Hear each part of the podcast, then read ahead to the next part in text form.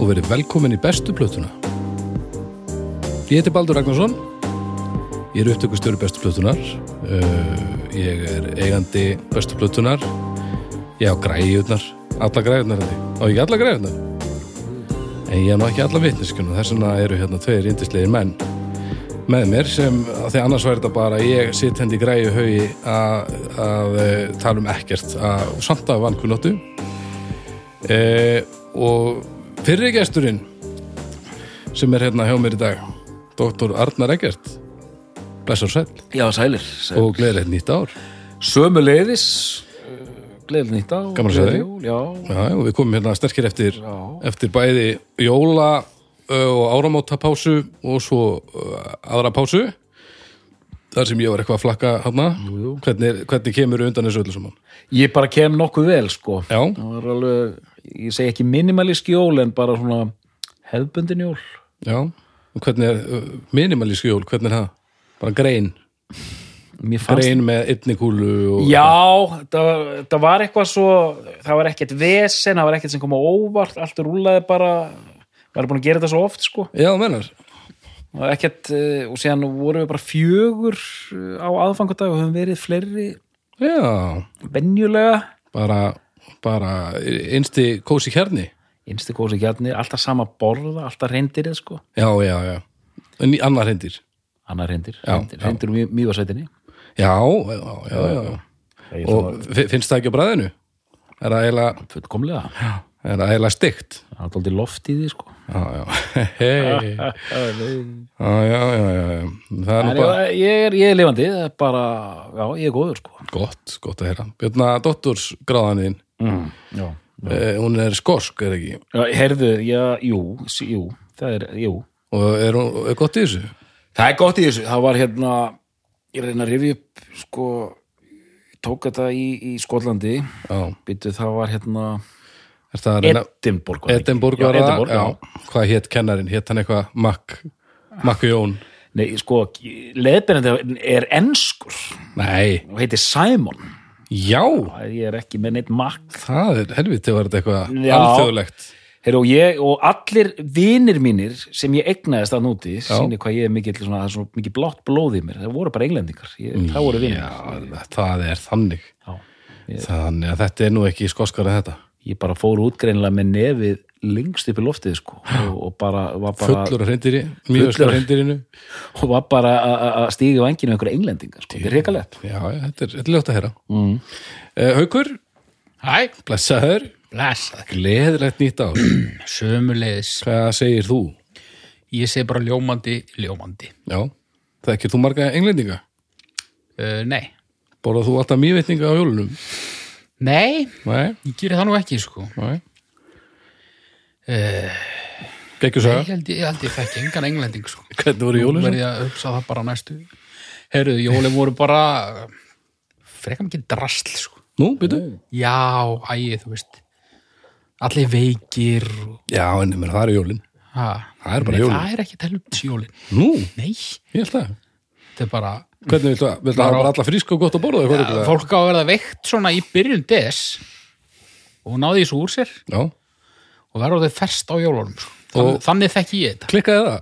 það klikkaði Nei, Það þú, var bara þú svona- líka eða? það er bara svona veikinda færiband sko. Já, t- t- tókst þú jólin veik? eða? nei, ég, ég, ég er svo vel upp alinn sko. ég tók hérna eh, fyrir hluta Ó, des ég, Þetta er náða úkjöfslega sem þú hefur sagt en hérna eða, þú veist, ég samt ól þá upp sem að urðu veikir á jólunum Já, já Og eins og allir vita þá er veikindamunstur hvers einstaklings, það fer eftir uppeldi já. Já, já, þetta er þannig ekki að mikið þetta var bara sótt hiti og niður gangur sko. Já, já, til skiptis já, geggjað Þannig að, já, jólin voru frekar mikið drasl, sko. En þú veist, það er, má allt hafa gaman að þessu, sko. Já, það er nú gott að heyra að þetta, þetta fór nú allt saman einhvern veginn Já, já, Hátt til ljós og friðar, kannski ekki svo mikið á, á svona stundum nei, heldur hátíð uppsölu og mannaskýts Mhm. en við tökum samt alltaf fríinu fagnandi, er það ekki? jú, Jú, jú, mjög gott. Þetta, þetta... En við hefum ekki hýrst frá því bara einhvern tímann, bara í ok oktober eða Ég veit, eitthvað. ég- Nei, við vorum ekki. ég var Nei, næstu, nóvember. ég var næstu búin að keira út í gamla stúdíu sko. Já, ha? svona riðgæður er maður Já, þetta er rosalegt. Ég var næstu í búin að að segja þér að þú værir að keira vittlust þegar þú beigðir ekki átt að gamla stúdíu. Já, þau hafa verið flottir. já, mjög Það er flottir á algjör því hending að það séu. brakandi ferskir sko Hendi ekki þið séu þetta. hérna. Það er heldur gott, en við hefum engu glemt, allavega ekki ég, held ég, að því að ég kem hingað inn alltaf um, tómur, þannig að ég, hef, ég, ég get ekki glemt hennu. Ég hún er með introinu, ég neldi það. En hvernig, hvernig var uh, hljómleikaferðin? Erum að gegja þið? Ok. Ógæslega gaman, þetta var langt uh, veistum, Rútan bilaði þannig að við mistum að við einu giggi í, í munn hér þurftum að setja það aftast á túrin þannig að hann lengdist aðeins svo tókst bílstjórunum að rista rútun upp einu sinni, það var helviti óþægilegt þegar maður heyrði svona eitthvað eitthvað skilti svona skrapa kójuna mann sem að lá í alveg svona uppi mann eitthvað djöfisins umferðarskilti hafa vers annars bara fullt að liði, eiginlega margir að koma að sjá okkur og, og, og eiginlega gaman Ok. og, og ég fekk að spila aðeins með fintróluvinum mínum líka, það var ógæslega gaman frábær músík að spila það myndi að spyrja hvernig gekk að söppa með, með fintról það gekk mjög vel, en það hefði ekki mátt vera mikið lengra, þetta voru tíu gig held ég, og hann voru einn helviti lúin, þetta voru náttúrulega orðin næstu þrjú tímar á dag eða Já, já, eitthvað, Í- á barningi hryllilega skemmtileg músík að spila og, og, og gaman að fá að spila með þeim en ef mitt, ef eitthvað ég fattaði einhvern tímann að ef að ég hefði úst fótbrotum með eitthvað, þá væri bara allt ónýtt þannig að þetta var að- að svona, en þetta var hryllilega gaman, ógeðslega gaman Já. þannig að, já, Já, já, þetta var nú ekki gaman fyrir hlustundu bestu plötunar, sko. já Nei, segi svona. Já, hvað heldur það að séu heldur það að séu hérna allir allir miðaldra kallir þessu brjálar út í mig Það held ég. Já, Já, ég vildi allavega bara spyrja það hvernig túrin hefði gengið til að minna hlustundur á að- að, að fríið var baldra að kenna, sko. já, já, það er rétt uh, og uh, túri gekk reynda mjög vel þannig að, þannig að uh, þetta var klálega þessu virði sko, Já. það var ógjörslega gaman og bara að það fá að fara aftur, ég hafði ekki farið til útlanda síðan að fyrir COVID sko sem Já. er mjög óvanalegt af því að mér þykir ákvæmlega gaman að ferðast og bara að fá að spila lögin sín aftur fyrir fólk í öðrum löndum sem eh, er til, þau voru svo til í þetta öll sko Já. Já, í löndum eins og Ítali og Spáni þar sem að það er alltaf beðið með að fram á síðustu stundu að kansila gegurum að því að þá nær fólk að líka ná peningurum sín tilbaka þannig að þau treystaði því ekki að þau kaupi ekki með það fram í tíman að þau treystaði ekki að fólk komi að geggin verði og þá eru fleira og fleira kansila því að það er svo léli meðasala fram í tíman en þetta er svona víteringur og við á allir saman um það og sérstaklega tröllin bara við förum ánga, við verðum að, að byggja upp smá tröstið aftur og þá náttúrulega bara fullt af liði mætt með einstaks fyrirvara sko. Já. en þetta var svona já, það var bara gott að komast aftur á, komast aftur á, á, á ferðina og, og, og byrja að, að byggja þetta upp á nýtt sko. ég manna vorum að tala um þetta í síðasta sessjóni og hérna, þá man ég að þú sagði svona varst að segja við mig, já, ég bara ég áttir að læra öll lögin maður og þá hugsaði ég betur, kann hann ekki skálmaldaleg Já. hverslega er þetta eiginlega? ég kunni þau og hérna ég bara, betur, hvernig virkar þetta eiginlega? síðan komuðu til ljós já, ég var svona, "Bíddu, það er, ég fannst þetta pínuskrítið en var ekki mikið að bæli því síðan, síðan kom þetta þá var þetta bara katalókur með vindról já, og þetta, er fló, þetta er miklu flóknar en ég held Shit. að því maður heyrir þessu lög og svona en svo er gítarinn aldrei að gera það sama þetta er alls konar fimmleikar sko og svo er mjög fyndið, ég var ekki búin að segja þetta við þig haukur að þetta það er svo mi- allt öðruvís að spila með þeim heldur en eh, skálmöld og ég fattaði á einu gigginu bara herðu, þetta er miklu nærði að vera morðingatónleikar heldur en skálmöldatónleikar Nú. já, bara allt svona ding, ding, gang, gang, gang, gang, gang, eiginlega að- að þetta hann kom sér gríðarlega vel að hafa dott inn í morðingana hann til þess að æfa þennan gangina því að ég, þetta var mér mjög ónútrulegt Já, mér skilst að Fintról séu undir svona tölverðum morgingja áhrifum reyndar. alveg, alveg gríðarlegum Það Það ekki er sko staðið? taland um að skrópa á gigg og, og missa af giggum, strákar. Ég misti af karate. Já, ég mitt. já, ha, Já, ég fekk COVID. fegstu COVID loksins hvernig fór það í þig? Ég var bara, ég, Hvernig- ég, ég var örgla Bíddu, hvernig grenja- fjórði maðurinn sem kefti með á þessa tónleika. Býtu, ég sá þið ekki grænja neitt á samfélagsmiðlum um að þið fengið COVID Nei, þú sást það ekki heldur ég fekk COVID í fyrsta skipti, sko. Býtu, af hverju ekki? Það, það er mjög ólíktir N- Það er mjög ólíkt svona 2011 mér. Já, ég er að ríhalda í þann Já, mann. grínilega Ég maður. En ég þekki hann misti miklu þess betur. af, ég misti af hljómsveitinni sem að ég, ég, hérna- Já. ég var með hérna svaka þátt. Nákvæmlega Og við? En Hvernig, hvernig hérna, löðist þessi tónleikar í, í menn? Fórst þú það? Ég fór ekki. Næ, Mér, mér skilst það var að þetta bara mjög verið Mjög gaman sko já, næs, Já, geggjað þetta var ekki, ekki svona meant to be greinlega Ó, örlaga haukur, hann er ekki minn uppáhalds Nei Þú fyrst bara COVID annars hefur farið Nei, nei, þú veist, ég verð bara að hugsa þetta þannig annars, annars brjálast ég, sko. Já, já, ég skil, já, ég meina eh, þetta var auðvitað, en ekki meant to be, sko Nei, Þú ættir aldrei að fara. Nei, nei, nei, þetta hefði aldrei það, múið bara ég tekið hefði Eh, sannilega dott- mistið mig og Já. fengið sýkingu í... Þú Eða ættir burðar, burðar, einhver biti úr burðarverkinu þannig á Já. hausina. mist þrjá útlimi Já. hún hefði aldrei getað klórað allar leiði Reykjanesbæja á einum útlimi það er bara galið pæling sko. Við værum, ég, væ- við værum með þið bara hérna útlima lausan hérna bara. nei, nei, ekki útlimalausan, önnur höndin Önnur höndin. Já. Já. vinstri samt Það er gott að við séum með svona svolítið veglegt intro, en þess að þessi Við sko- við þáttur verður óttalegur samtíningu, sko. Þetta er nú...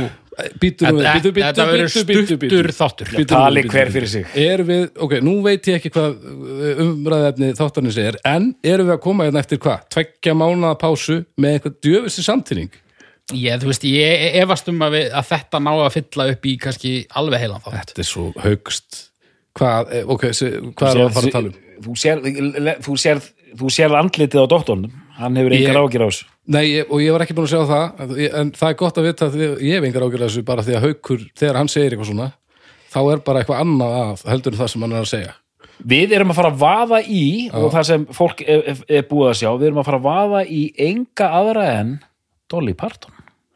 Já, þetta verður nú bara stutt og leta laga út Ég var auðvitað að djóka bara. Basta slá að leta streik Holy moly Haukur, er svona lett yfir þetta? Já, já, við erum að fara að tala um Dolly Parton. Já, það er rosalegt verkefni þannig að bara þeir sem eru að hlusta bara ringið í læknin Já. og, og canceliði tímanum sem að þið áttu að fara í eftir þrjá klukk tíma því að þetta er þetta verður langloka held ég Já, nema þessi tannlækna tími því að það, ég held að megi hlust á laðvarp í tannlækna Já. Já, akkur Ég- ekki Það er hvort sem eru að bóra í hausinu þér Já, Ég held að vera að vísi það, það að þetta verður svo mannbætandi hlustun að þú þarft ekki að fara til læknis. það Já. gæti líka já, verið við skulum já, við, við læknum ykkur Nei, við skulum ekki gera það, við skulum ekki segja það það er ólulegt svo erum við einnig með Kristalla, bestu plötu Kristalla helviti, svona rétt eftir jól við höfum átt að, að hvað ekki þessu fyrr svona er þetta, En sko það er alveg auðvitað- en nálastúku að- meðferð eh, bestu plötunar sem er það á sjálfsögur vínilnálar ha, við fyrir þá leiðina Ah.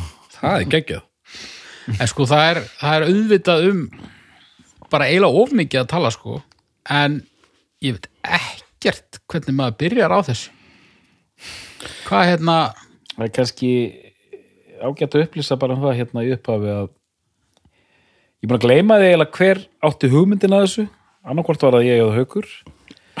já, um, og þetta er eitt mesta samvinnuverkefni sem við höfum lagt í af því að við sáum fram á það þetta eru svona 50-60 lögversplötur 48 sem að eru kreditaðar bara á hana sko. bara þannig, já og við í okkar undirbúningi fyrir þáttinn svo getur kannski ímyndaðir baldur að hérna það fór ég að sko jú, jú, við, við, við vorum svona að róa hvort annan niður sko og hérna og, og, og, og, og, og verkanir var svona óks við og við mönnum í augum sko, sko, hvað þarf langur tími að líða þar til að það verður opnað á þessi spjöll er þetta ekki eins og skjölin í, í Rúslandi eða eitthvað sem var síðan bara lokað aftur Já, við erum bara svona að sína hlustendum hvernig pilsan er gerði sko. og, og, Þetta- þetta var nú eitt ógæslega sem svo sættu Já, af því, að, sko, mér finnst þessi þáttur vera og, og, hérna, og hlustendur þeir að taka þátt í ákveðni tilun mér finnst þetta vera fyrsti þetta er þáttur til að gera tilun af því að það eru ákveðni katalógar sem við þurfum að fara í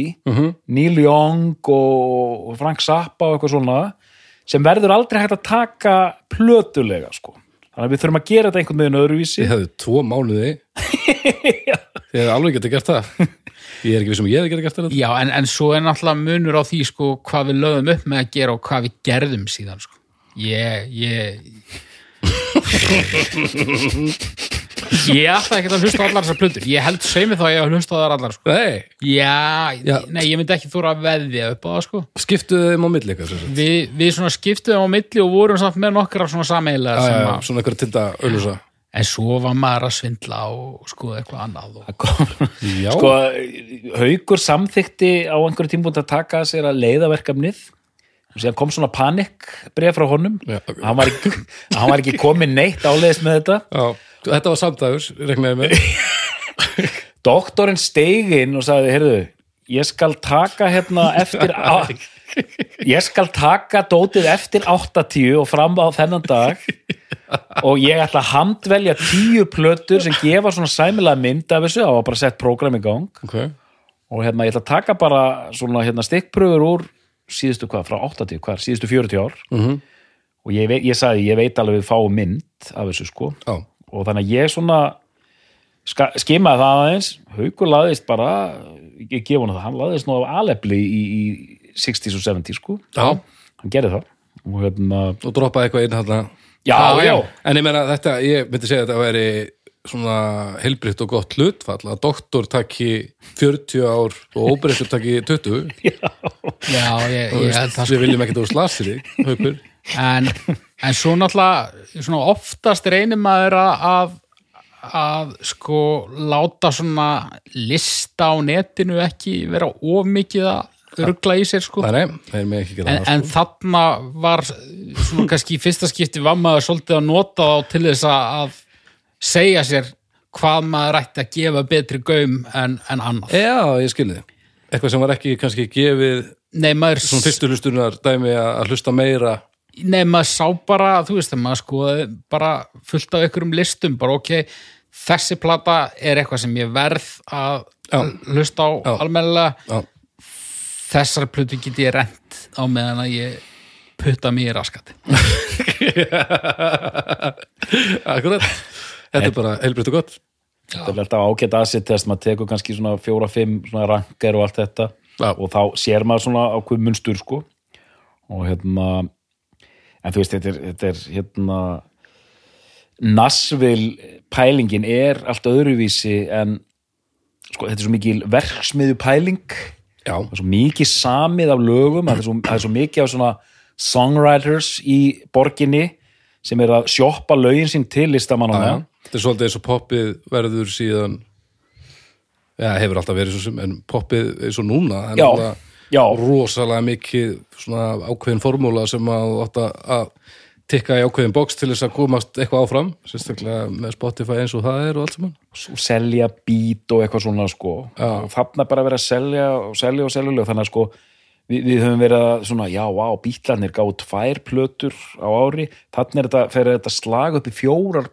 breiðskjúr á ári Já, þá þarf ekki alltaf að vera gott nei, og hún, hún til dæmis hendiði bara einn inn, svo ég gleymi því ekki hún vann með svona countrystjörnu gerði sjónvars þetta og svona maður sem heitir Porter Wagoner Já, já, þau gáfu út eitthvað 14 plötur já En hann var hann var náttúrulega eh, country eh, svona semi-country legend fyrir já, og eh, hún kemur inn í þáttin fyrir aðra konu sem að þú þekki málið já, sem var Norma Jean já, sem var ægilegt legend og það var ekki það var ekki álit til að, að Dolly myndi hafa að, að taka hennar stað sko. aha, aha en eh, með tíð og tíma þá náttúrulega var hún uh, áhrundir yfir eins og allara En ég meina þetta er kannski bara, við byrjum bara þarna, country, ég meina við höfum ekki mikið tekið country, ég man ekki til þess að ég hafi setið hér og rætt um country tónlistu eða ykkur og, og ég man ekki hvort að uh, Snæbjörn var,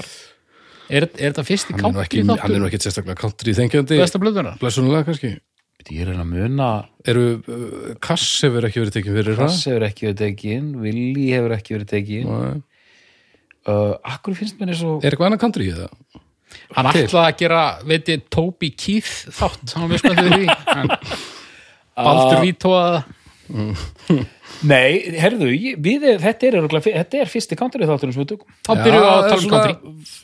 country svona eini staðurinn þar sem við höfum daðra við country er kannski Leilo Já, einmitt en það er svona a- annars Mm. annars uh, að öðrum toga eins sko, Herru, ég er ríða á vaðið. Ar Arnar Eggert, Tóratsen. Mhm.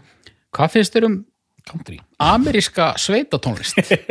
búm, þá byrjar það Sko, já, þetta er þetta bara, ég hef mjög gaman af country, sko, Mér finnst það mjög skemmtilegt sko, hérna ég er mjög mikið fyrir til dæmis það sem kallar er jaðar country, allt country Jaðar country Hvern er jaðar country? jaðar country, það er Segðu frá stæsta nafni er kannski Vilko Já, um, og uh, Ryan Adams mhm mikill svona allt, eða svona rætur hans voru mikið í, í allt country bara sérstaklega svona eh, hvað myndir kalla þetta Hipstera er þetta ekki country. bara indie country já, þetta er svona indie country, hipstera country sko, Já, og, og, og þetta er, þetta er löng og flókin saga en þetta, allt country sem byrjaði í 90-sinu var einfaldur samsláttur af country og punki sko. já, skilja Ö- Uncle Tupelo frægasta bandi þar sko Gul túpel og Ég veit Akkur það, ég- heitir, akkur heita öll þessi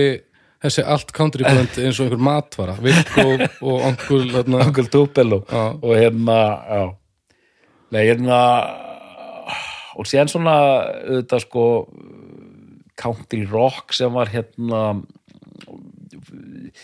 var þetta aldrei í gangi á nýjönda áratugnum en sko það verður aldrei neitt dolli þáttur ef ég á að fara að tala almennt um country hérna sko. Nei, Þá ég verður var hérna einmitt að hugsa um það framöndu sama morgun sko. Ég þetta dolli sé alveg nóg Nei. En hvað finnst þér bara svona Þú, ert hreinna- country maður. Þú ert, hreinna, þú ert country þengjandi svo litið Já, sko, ég hef, einmitt, já, hvað finnst mér, finnst þetta bæði áhugavert og, og, og, og, og, og hérna, hérna þannig, -hmm. Mhm. svo ég seti doktorstúskin á, Já, en ég fílaði þetta, sko. já, ok, ok Haukur, Ég er, ég, ég er ekki country maður, sko. Ná, nei, Eh, Þetta er einhvers konar pláa sem herjar á fólki í mínum instaring. er það? Já, já, bróði minn er dottin í þetta og mákona mín er alveg, báðar, þær eru alveg, þú veist, þetta er agalegt. Og Þá er ég að tala um svona, svona nýju skóla Já, skýta country. Svona, Ég er að hlusta á nýja mainstream country. já, bara, minnst í Bro- country sem er bara fast sem sagt, sem er meir og minna bara Ameríkumi en að já. Svona bro country. Já, ég, ja, ég þekki þetta náttúrulega bara svo illa sko.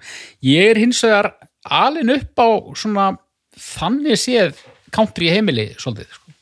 Pappi var mikill country maður sko. og það var mikið af country plötum til heima Og hvaða country plötu? eh, rosalega mikið af saplötum svona country saplötum en líka slatti af dolly Dolly. Okay. og ég hérna en þú veist, það hjálpaði mér voða lítið í þessum undirbúningi út af því að það voru kannski til 5 plötur með dolli af 48 Já, já, akkurat á, á heimilinu sko. Og það er, ég held að það þekki allir Dolly Parton það vita allir hver hún er já. já, ég meina við getum, við getum gert tvekja tíma þáttum hann án þess að tala um plötundur hennar sko. Já, Já. en, en, en þannig að Það er, ég, ég selaði einmitt, ég selaði, þetta er eiginlega tvö verkefni. Við verðum að, ta- eins og Haukur segir, við þurfum að ná að fanga bara þetta íkon, -hmm. hver hún er, en ég væri gjarnan til að við reynum aðeins að, að, að, að því það, e, þetta er alveg marglaga ferill, sko. já, já, Við þurfum aðeins að tala um það líka, sko. Já. En svona það sem ég var að reyna að segja er það að þó að mér finnst country ekki dróðslega skemmtilegt þá svona gamalt country getur mér þótt sérmennandi og, og, og svona stöku lög sem mér finnst mjög falleg sko. En ég hef alltaf verið mjög svona mikil dolli maður án, þess, að, án þess að hafa kynnt mér hana til hlítar sko já, hún bara svona eitthvað neginn er bara svona bara eitthvað eitthva fylgitungl sem að maður tekur ekkert alltaf eftir en, en, en, en ætti kannski að gera sko. þannig að já, það getur nú vel verið að þú hefði sett hana inn í Excel-skjali góða en það var ég sem fylltist einhverju, einhverju undarlegu sjálfströsti þarna fyrir frí og sagði, herru, við erum að fara í frí nú tökum við dolli og ekkert kjaftaði já og ég held að, að það myndi eitthvað vinna með okkur að vera í svo langa fríi sko, en það eiginlega gerir það bara erfiðara Það gerir aldrei, sko, frí virkar ekki en hér eru við mættir og, Já. og ætlum að spjalla um hana Dolly Rebecca Parton Já, hún heitir Rebecca sem er fætt 1948 Ok, í einhverjum algjörum skítabæ í ok austur Tennessee ríki Já. ég man ekki hvað sem bær heitir en Nei, það, þetta það er chicken í nafninu á bæn Er chicken í nafninu? já, Ok, byrju, ég er að, ég er að opna hérna Wikipedia, við skulum sjá Já, þú, Eh. þú verður að vera með Wikipedia svolítið, vegna þess að Já, heldur þau? þetta er árta, ártala súpa. Já. ok, mjög gott, mjög gott Hvað heitir bærin? Nú er ég spenntur. Uh, Dolly Rebecca Parton 46 á 19. janúar. Ég var að 46. Já, Já, ég var að segja 48. já, já Rúlur Fóli. Uh, Hún er on svo the banks ungleg. of the Little Pigeon River Little Eh, Pigeon River. Pittman Center heitir samt bærin held ég. Já, þetta byrja vel maður. Þetta Tvær- byrjar mjög vel. Tvær rángfæstur bara hérna í... Þú, þú ert búin að skýta þau tvisar, nú þegar. En fallið farar heill. Já, já, Hún er alin upp af mjög fátækum fórundrum. hundi, Hvað segir við? hundi, ég ætla að- Hundi, já. Talandi hundi. talandi hundi, country hundi. Nei, hún er alveg upp á, á mjög fátæku heimilið þau, hún var eina af, af 12 sískinum, Já, fjórða elsta barn, ok, pappin var verkamaður og bóndi og bara svona eitthvað svona alltmúlikt mann sem að leitaði bara vinnu uh, og, og bara svona jafnóðum já, svona. gerði það sem bara, Hljó, hljópi í missa verk mamman var uh, húsmóðir og uh, mikill sjúklingur já, og Dolly segist hafa fengið sko svona business nefið frá föður sínum þrátt fyrir að hann hafi verið uh, fátæklingur og ólæs í þokkabót að þá hafa hann haft mjög svona lúmst og gott viðskipta vit ok, uh, af hverju hann var fátækur þrátt fyrir það veit ég ekki en, hérna, en hún segir að, að, hérna, að tónlistina hafa hún frá móður sinni sem að söng daginn út og inn á þessu fjölmenna uh, heimili þeirra. já, já, ok, Uh, Dolly byrjar að að dútla á píanó og gítar sko alveg lungu fyrir tíu ára aldur já, uh, og já hú- hún talar um það í heimildarmynd sem að ég horfði á og, og Arnar horfði líka á Akkur mm. hefðu ekki vídeokvöld nákvæmlega, hvað er að ykkur? að hérna uh, hún uh, hve- hvernig líst hún þessu? Hún talaði um sko, hún sá hún sá eitthvað svona, var það í sjónvarpinu? Nei, ok, þetta er vondsa en hún allavega, hún ákvaða mjög ung þegar hún, þegar hún sá hérna einhverja, einhverja drollu þarna syngja í sjónvarpinu að- að að þetta ætlaði hún að verða hún ætlaði að verða fræg sönguna Já, Nei, hérna, hún skulum hafa það í huga mitt, hún, hún vildi vera fræg hún vildi vera fræg sko. já, það er ekki, þú veist það er svolítið ríkt í henni sko. að, hérna, Ekki eins og og- sumir. og er alveg upp á borði bara ekki sem að sumir vilja sem er velgengni en, en geta svo ekki dílað við fræðina Mm. þetta er hún vildi þetta bara hún vildi þetta og, og, og það sást mjög snemma að hún, hún var með nef fyrir því hvernig, hvernig þetta svona aðtapna sig í þá að, áttina já, aðdamna sig þannig sko. þannig að sko, mér er svolítið líka svolítið heiðalegt sko, jú, jú, það er, það er þetta artistri í gangi og hún er li- listakona og frábær lagafundur og allt það sko, en setna ferlinum þegar hún fer að dala í vinsaldum og færri byrja að mæta á tónleika og svona, hún tekur því ekki vel sko. nei, nei, það er bara það er bara, það er bara leikvangurinn eða ekkert sko. já, Ná, en ég vildi líka s- bara skjóti inn einu Hank Williams Mhm. hérna að því að talandi bara um country þegar hann kemur fram þá er þetta svona country slash folk eila Já. rosa einföld þetta er eiginlega svona svo- mjög rosa mikið svona þjóðlega dæmi -hmm. og hérna og þegar Dolly kemur byrjar, byrjar, byrjar sinn feril 67-68 í útgáfu Já, fyrsta platan er 67 minnum við Já. Hún er strax og, og ég vil svona reyna að þræða það hans gegna, hún er og hvað hún er fætt og svona og þetta chicken shack og allt þetta sko, hún er, finnst mér alveg í kjartan svona hold down country listakona sko já, og á þessum sko sjönda og áttunda áratögnum þá er svona átök þannig í Nashville, það er annars vegar að vera svona nitty gritty Mhm. eða það sem kallaði svona cosmopolitan sound, það er svona strengja Já, já, já. country sko já, já, og hún byrjar dálítið vel í þetta er einu svona þjólaða country þannig séð þessar fyrstu plötur sko. en þessi þættir sem hann var að Mhm. gera með þarna, þessum manni mm. var það, voru það svona standardar einhverjir sem að hún var að syngja með honum var, það- var það ekki einhvern veginn þannig?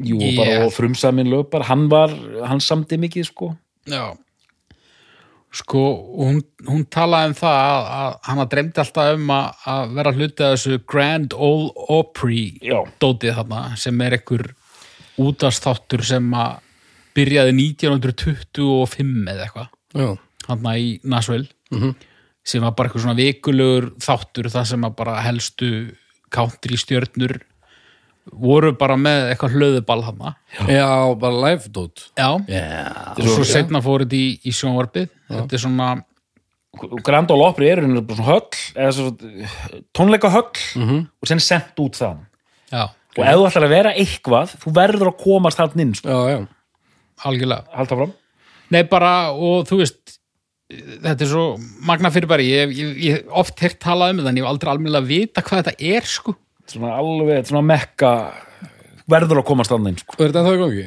já, Já, þetta er bara svona já, uh, og mér skilst að að, að fólk til þess að, að svona verða offisíal meðlimir í þessu dóti sem er eitthvað eftirsóknarvert að þá þarf það skuldbinda þig til þess að koma fram x mörgum sinnum á árið þarna Já. og, og, og það hafi verið sko country listafólk hefur verið í, í bara svona réttinda baráttu leiku við að, að fá að fækka þessum skildu skiptum sko. mm. veist, einhvern tíma þurftur að gera þetta 40 og eitthvað sinnum á ári til þess að shit það er svolítið grimt já, og núna er það þú veist, sexinum Hvað, er þetta ekki vikulegur þáttur, svo er það ekki? Eh, svona aðal þátturinn er vikulegur en svo er eitthvað auka þættur og Já, eitthvað. já, Þú veist, þetta er sko Ætli ímyndið þá ertu í öllum þáttum ég, ég, ég var að hugsa þetta sko þegar ég var að lesta þetta er þetta, ímyndið ykkur ef að heima með helga væri búið að vera í 97 ár þetta er eiginlega pínum þannig og bó þyrfti að skuldbinda sig 30 já, skipti á árunum já. en hérna hún endaði þarna bara frekar ung Mhm. og hefur komið þarna fram mjög reglulega síðan og svo fer, hún- fer hún í þannan Porter Wagoner þátt þarna en, en byrjar síðan að keira þennan sólóferil samhliða og í rauninni svona til cirka 80 þá koma alltaf svona duettaplötur með þeim svona nánast árlega þeim tveimur, þeim tveimur það er svona lengi já, innan um soloplötur og, og, og aðrar plötur af því að, e, e- alveg upp að 80 ertu, nei, það getur ekki verið síðasta plata er að er 80 eða 82 já, okay. Þe- þetta, þeirra samband endar í fúsi er ekki, þetta endar í leiðindum ég var eitthvað að reyna að finna út úr því sko Jú, Jú, hann var... var- síðasta platan var eitthvað svona samnings eftir eitthvað málaferdi sko. ja, hann ætlaði, hann vildi ekki hleyp henni á Já. sólrólferðin hann ætlaði, Hann- hann, uppleiði sig eins og hann hefði uppgötað hana Já. og hún skuldaði honum að vera í þessum þætti örgulega þangar til hann dræpist þá ég held þetta hafi verið flóknara sko En það kom fram í, í myndinni mitt að hérna, þetta var óþægilegt sko. Já, já. hann vildi ráði yfir henni sko. Já, og hann, hún, hún líka bara sá að, að þetta stemdi ekki neitt Þú veist, þetta var bara þakk og hún stemdi annað En allavega á einhverju tímabili var hann svona raunverulega að reyna að, að uh, óta henni og hennar sóluferli fram, sko. Hann var alveg með henni í liði.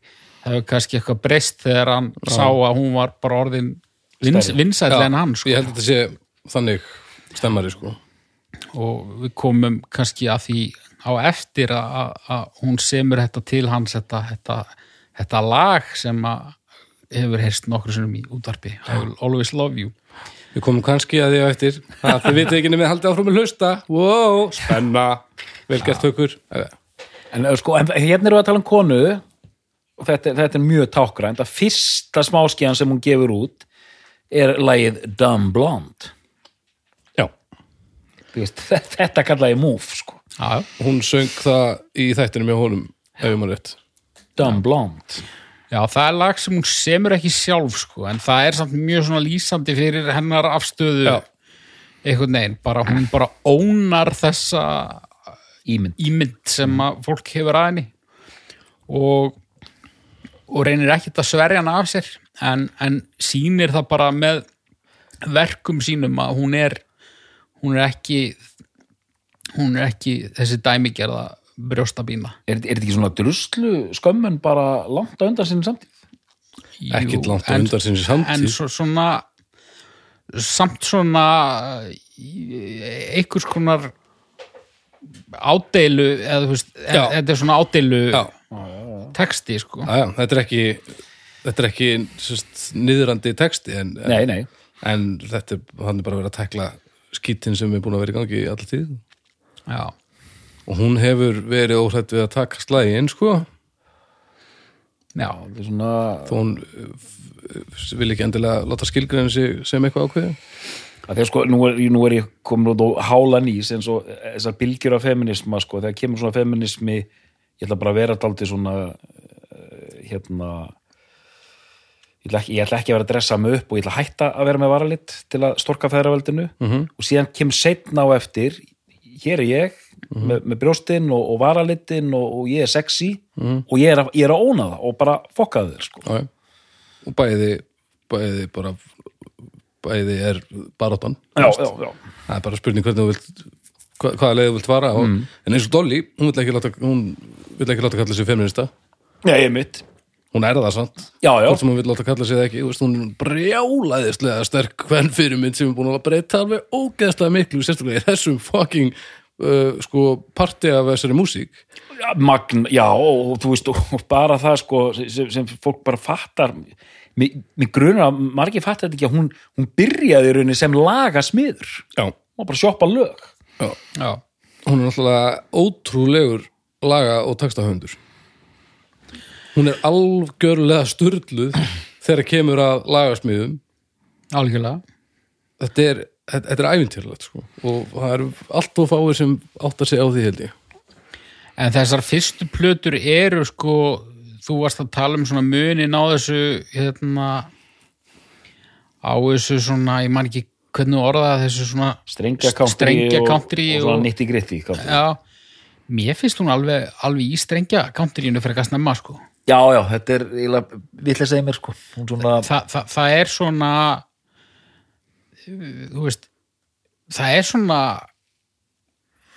ég, ég ætla þetta ekki er heimilislegt Já, en þetta er líka svona, þetta er dramatíst, Mm. þú veist, þetta, mér finnst þetta ekki svona endilega lágstend, þetta er svona eins og, þú veist, svona setni tíma Elvis, þú veist, já, þetta er svona Vegas stundum, en, þetta er svona samt, þú veist, hann er framan af ég- em, þetta er svona, þetta er svona, svona dass af svona spjátrungs, já, og líka, ég er líka með s- s- smá líka hérna, samabur, ég er að hlusta aldrei mikið núna á George Jones og Tammy Wynette Tammy Wynette var kölluð The First Lady of Country og Tammy Wynette var með svona svolítið melankóliskan stíl þetta var svolítið þungt, dramatíst og svolítið, he- bara, já, svolítið þannig en Dolly er sko hún er svona björt með bjartan tón meiri svona læti en einhvern veginn sko og hún er meiri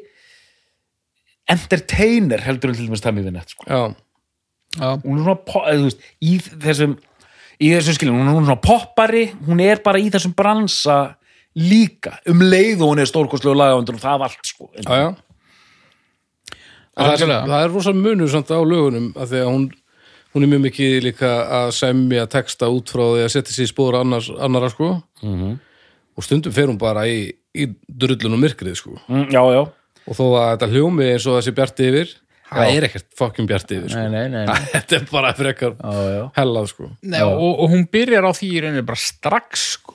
já, já, já, það er hérna en mér finnst samt svona ef við tökum bara hljómin sko uh, mér finnst svona uh, ég man ekki hvernig ég orða þetta við, við vorum eins og við sögðum áðan við vorum í, í mjög stöðugu sambandi við Arnar í, í þessari yfirferð sko Og ég, ég var að tala um sko uh, þetta er uh, stundum bjart og, og stundum ekki og, og, og stundum er svona tregi en þannig að framan af er aldrei þetta svona myrkur einhvern Nei. veginn en svo finnst mér svona, svona upp úr svona upp úr 70 þá dettur inn svona 70s drungi myrkur svona 70s cool einhvern veginn já, já. og, og, og það er svona tímabilið sem að mörgum finnst hennar sterkasta kannski út af því að það er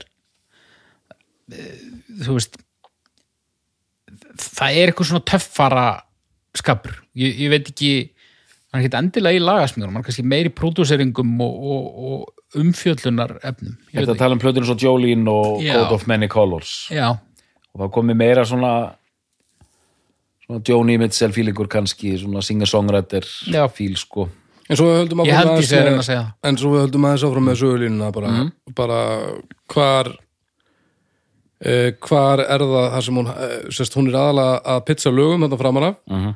hvar er það sem að vendingin verður að hún fer að verða nafn og, og soloartisti og, og hvernig sagði það fyrsta platan, soloplatan fyrsta sólplatan kemur 67 sko. 67 já, Mér finnst þess svo sirka bát fyrstu þrjár fjóra plötunar eru jú, svona s- pínu hráar einhvern veginn en samt með þessu já, svona netti strengir einhvern veginn og röddin hennar er dálítið svona meira tilbaka fannst mér já, þetta er svona þetta er bara aðeins stífara Þetta er bara að tala um bara soundvæs já, bara mix já og, s- s- hún er aðeins fjarlæg og bara eins og hún sé ennþá að finna sig sko mm. síðan kemur Hún er pla- samt búin að syngja alveg á miljón fyrir þetta í þessum þætti sko Já, þetta er svona en ég myndi segja sko svo, ég myndi segja 71 kemur Code of Many Colors það er svona watershed dæmið sko Ég, ég trúi þér sko ég, ég, ég er hræðilegu með ártölin sko. alveg þá fer hún yfir í sko Code of Many Colors það er titillagi sem fjallar um uh, þessa kápur sem mammina saumaði handinni og þá er hún komin inn í þennan þessa gullöld sem er Code of Many Colors og fram að Jolene sem kemur ekki út fyrir einhver 74 eða 75 hún er 74 sko. já, Arna Kota Many Colors Joshua já, og einhverjum hundra plötur í þetta Það er sko, e, já, ein, tvö, ein, tvær, þrjár, uh, fjórar, fimm, sex, sjö plötur þangað til að Code of Money Colors kemur út já, sko. um mitt og fyrsta kemur út 67 og þetta er bara plöturnar hennar síðan Já. eru við með, með hún Porter Wagoner þarna, þær eru sko sex já. þannig að það er og Joshua er platan sem kemur undan þessu Já. Ná, Er, er hún, já, það er eitthvað svona frumskeið í þrjú, fjögur ár síðan kemur svona gullöldin á- í 70-sinu frá svona 71 til 76 síðan kemur rosa shift sem við förum kannski í á- aðeins og eftir en, en Já. þessi 70s, þar verður hún þetta nafn, sko, þar Já. kemur Jolene, uh, I will always love you Mhm. þessi tvö er, og er á sömu plötunni, sko Já. Code of Many Colors er meira svona fólki sko Mhm. en ég meina Jolene er sko, ef hún hefur bara samið þetta fucking lag sko Já, já. þetta er það bara fáránlegt lag sko já. og, og I will al- always love you mjög flott svona, bara ástarlag sko bara, ég ætla bara að semja svona lag og það var það sem hún gerði pæli í því að vera með þessi tvö lög á sömu plötu Já, og, og, og samti Jolene fyrir hátegi og hitt eftir hátegi sko. já,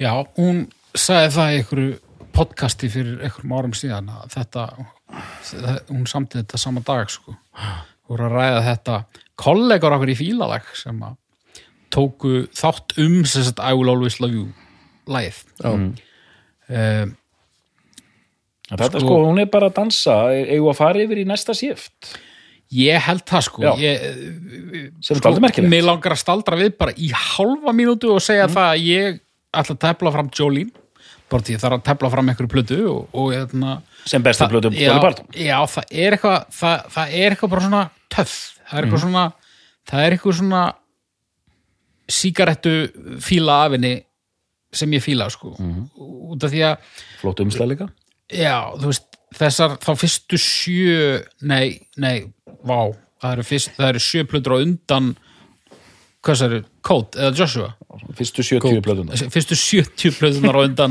Jolene. já, Þa, það er svona, þú veist, hún er alveg, uh, hún er alveg komin í hlutverkið, sko, en það er samt svona, uh, það er ekki komin að ég er að reyna að forðast að nota svona, eh, svona vondustelpu hugtækið sko, út af því að hún hefur aldrei í rauninni verið það Nei. en, en þarna framan af var hún svona, hún var settleg já, en þarna er hún svona, ég sé hana fyrir mér Meira þú semja lögin á Jolene með sko ekki búin að aska rettuna sína í hálftíma og þú veist, ripnar galabúsur rifna galabuxur og, og, og, og kattahland á sófanum skilur. klúturinn pínuskakkur hérna og, já. Já, það er svona einhver, e- e- einhver, einhver fílingur, ég veit ekki alveg af hverju en, en þú veist mér finnst svona hippa pælingar yfir leðilegar en það er svona, það er eitthvað svona 70s það voru allir grúf dæmi í gangi þar sem að ég fíla sko, 74, það voru bara allir mjög skítugir sko. ég held það Það var druttuð ár en já, 70 já, sko, hoppum bara yfir fullt af plötum sko, þú veist, næst þetta shift sem þú talar um, það er þegar hún uh, ákveður, ok country vinsældir eru ljómandi, en ég vil allar vinsældirnar, ég, ég vil þú veist, ég vil ekki vera á toppnum á country billboard ég vil vera á toppnum á billboard svo Taylor Swift gerir síðan mörgum áratöfum síðar sko. Já, Já, og þær æfingar byrja hvað heitir platan? Ég er ekki að tala um hérna, here you Here you go, go again Þa, það, það er ein svona, kannski tveimur, þreimur plutum á undan þess að það byrjar uh, plata frá 75-6 einu til Dolly ekki hún, einu til All I Can Do Eh, mögulega hún The Bargain Store Nei, Nei, uh, New Harvest, First Gathering það er örugglega all I can do 77, All I Can Do Þar, Ok. það, þar byrjar þetta svona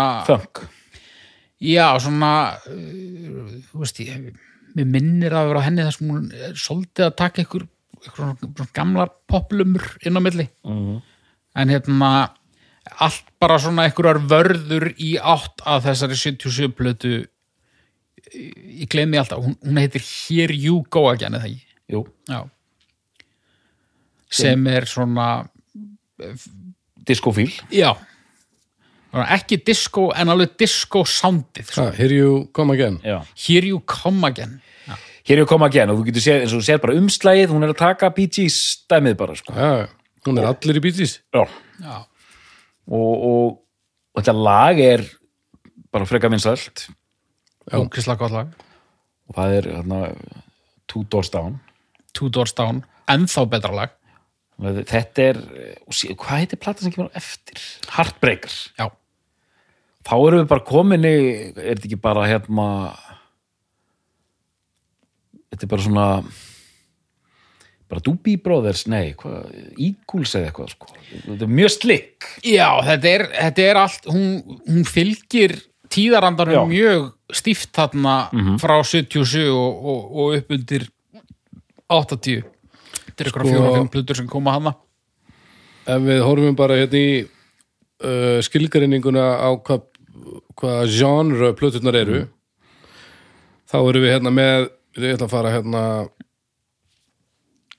við erum með Dolly 75 Country All I Can Do sem er uh, 76 Country Okay. uh, New Harvest First Gathering sem er 77 Country Disco Já, Mm. það er örgulega súplata sem, að, það sem hún er að taka ykkur, ykkur, svona, ykkur popstandarda og hér ég kom Nýjum again þá erum við komin í Pop Country Pop, country. og uh, Heartbreaker þar eru við í country pop Já, þannig að við þarna, byr- þarna virðist þetta einhvers staðar það hefst þarna með disco smá disco og fólk er alveg til í þetta sko Og þetta gengur bara glimrandi vel hún er ekki topnum á, á billboard alveg strax en þú veist þetta var greinilega hún átti inni fyrir meiru en bara staðbundnum vinsaldum -hmm. þó er hafi nú kannski ekki verið landfræðilega staðbundnar en, en hérna en gott og vel sko uh, eru við ekki bara að fara í Jú, jú. negluna sko Við erum bara í negluna og, og það eru tveir svona country listamenn sem krossa harkala yfir í 90-sinu, nei, í 80-sinu. sinu, já, Það er Dolly Parton og vinur hennar Kenny Rogers. já. gamli pungur Gamli pungur, sko. Þau eru þetta eru bara stærstu popstjörnur countrysins og krossa alveg rækilega yfir sko Kenny Á- Rogers. máltök. hann, hafa nú slatt á honum til heima líka bara og já, en þú- hann var alltaf eins og, hann væri- eins og einhver hefði málað hann já, þú veist ekki málað andlutöfunum heldur hann væri bara má, einu, einu málaði kallinn í heiminum já og eins og hann hefði verið málaður þú veist 1890 já.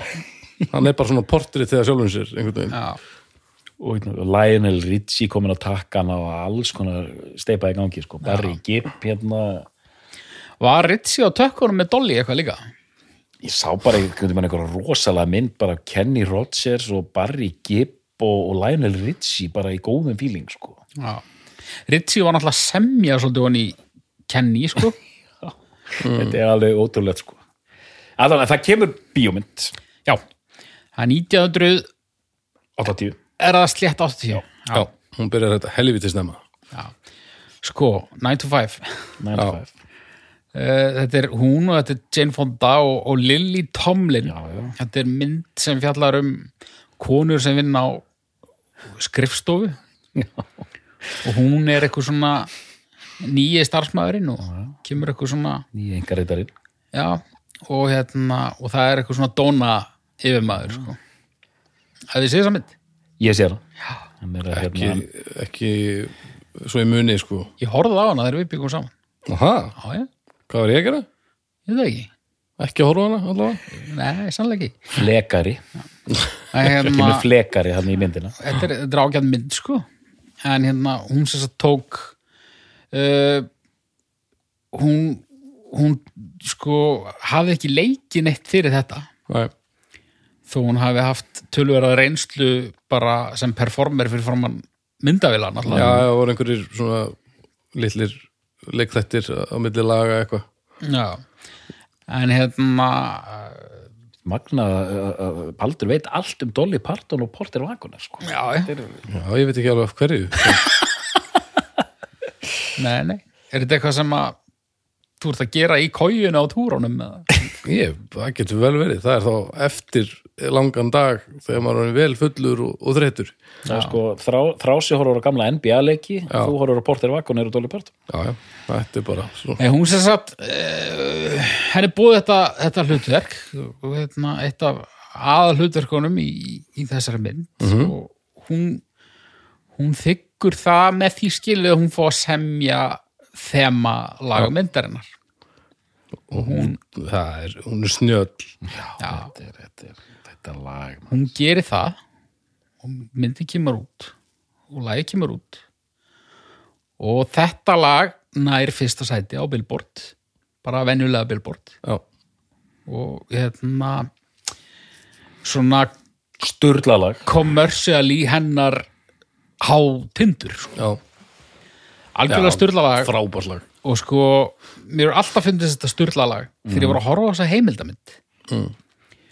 sko, ég skal segja ykkur hvernig ég horfa á þessa heimildamind ég var búin að lesa fullt sko, ég var bara þarf ég að horfa á þessa heimildamind æ, jú, jú æ, mér langar samt pínu að klára hérna púslið sem að ég er að púsla, ég er að púsla eitthvað hérna ekki Ætlaðu- ennþá búið með það. Já, hvað er það stórt?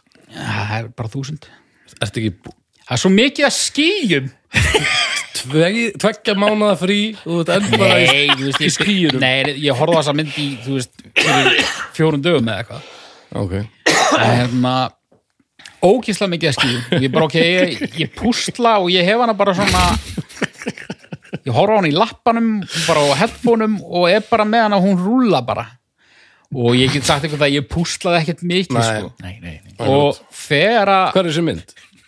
hún er síðan svona 2019 kannski Já, hvað er, stálsteinni eða? Ég tjáum ekki um það Nú, já. En hérna hvað, og hvað, stálstu kannski þessu púsli líka?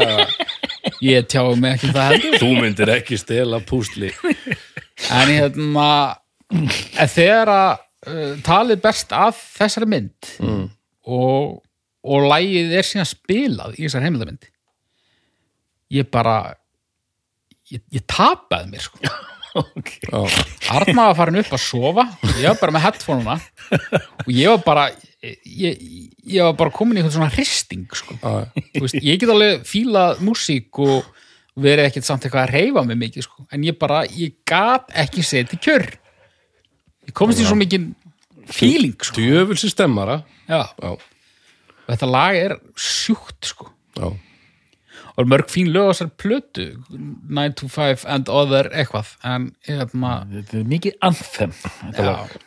9 to 5 and odd jobs já Það er hann einhverju singlar, já, But Do You Know I Love You og The House of the Rising Sun alveg rétt, það er svona hérna, já, ég sendir skilabóð um það ég, sem þið fáið aldrei að sjá Þú manst eftir því.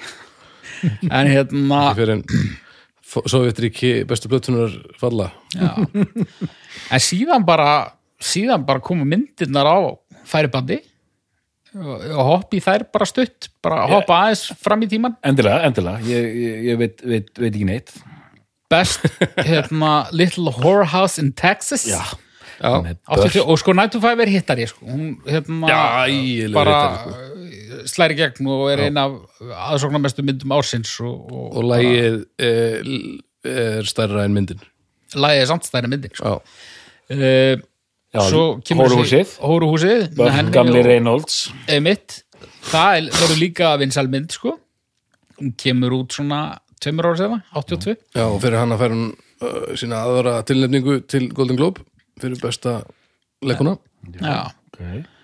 Motion svo, Picture Musical or Comedy svo öðrum tveimur ára sefna Já, þá leikur hún í svolítið svona vafasamari mynd sko. Eh, já Hversu afa samanri?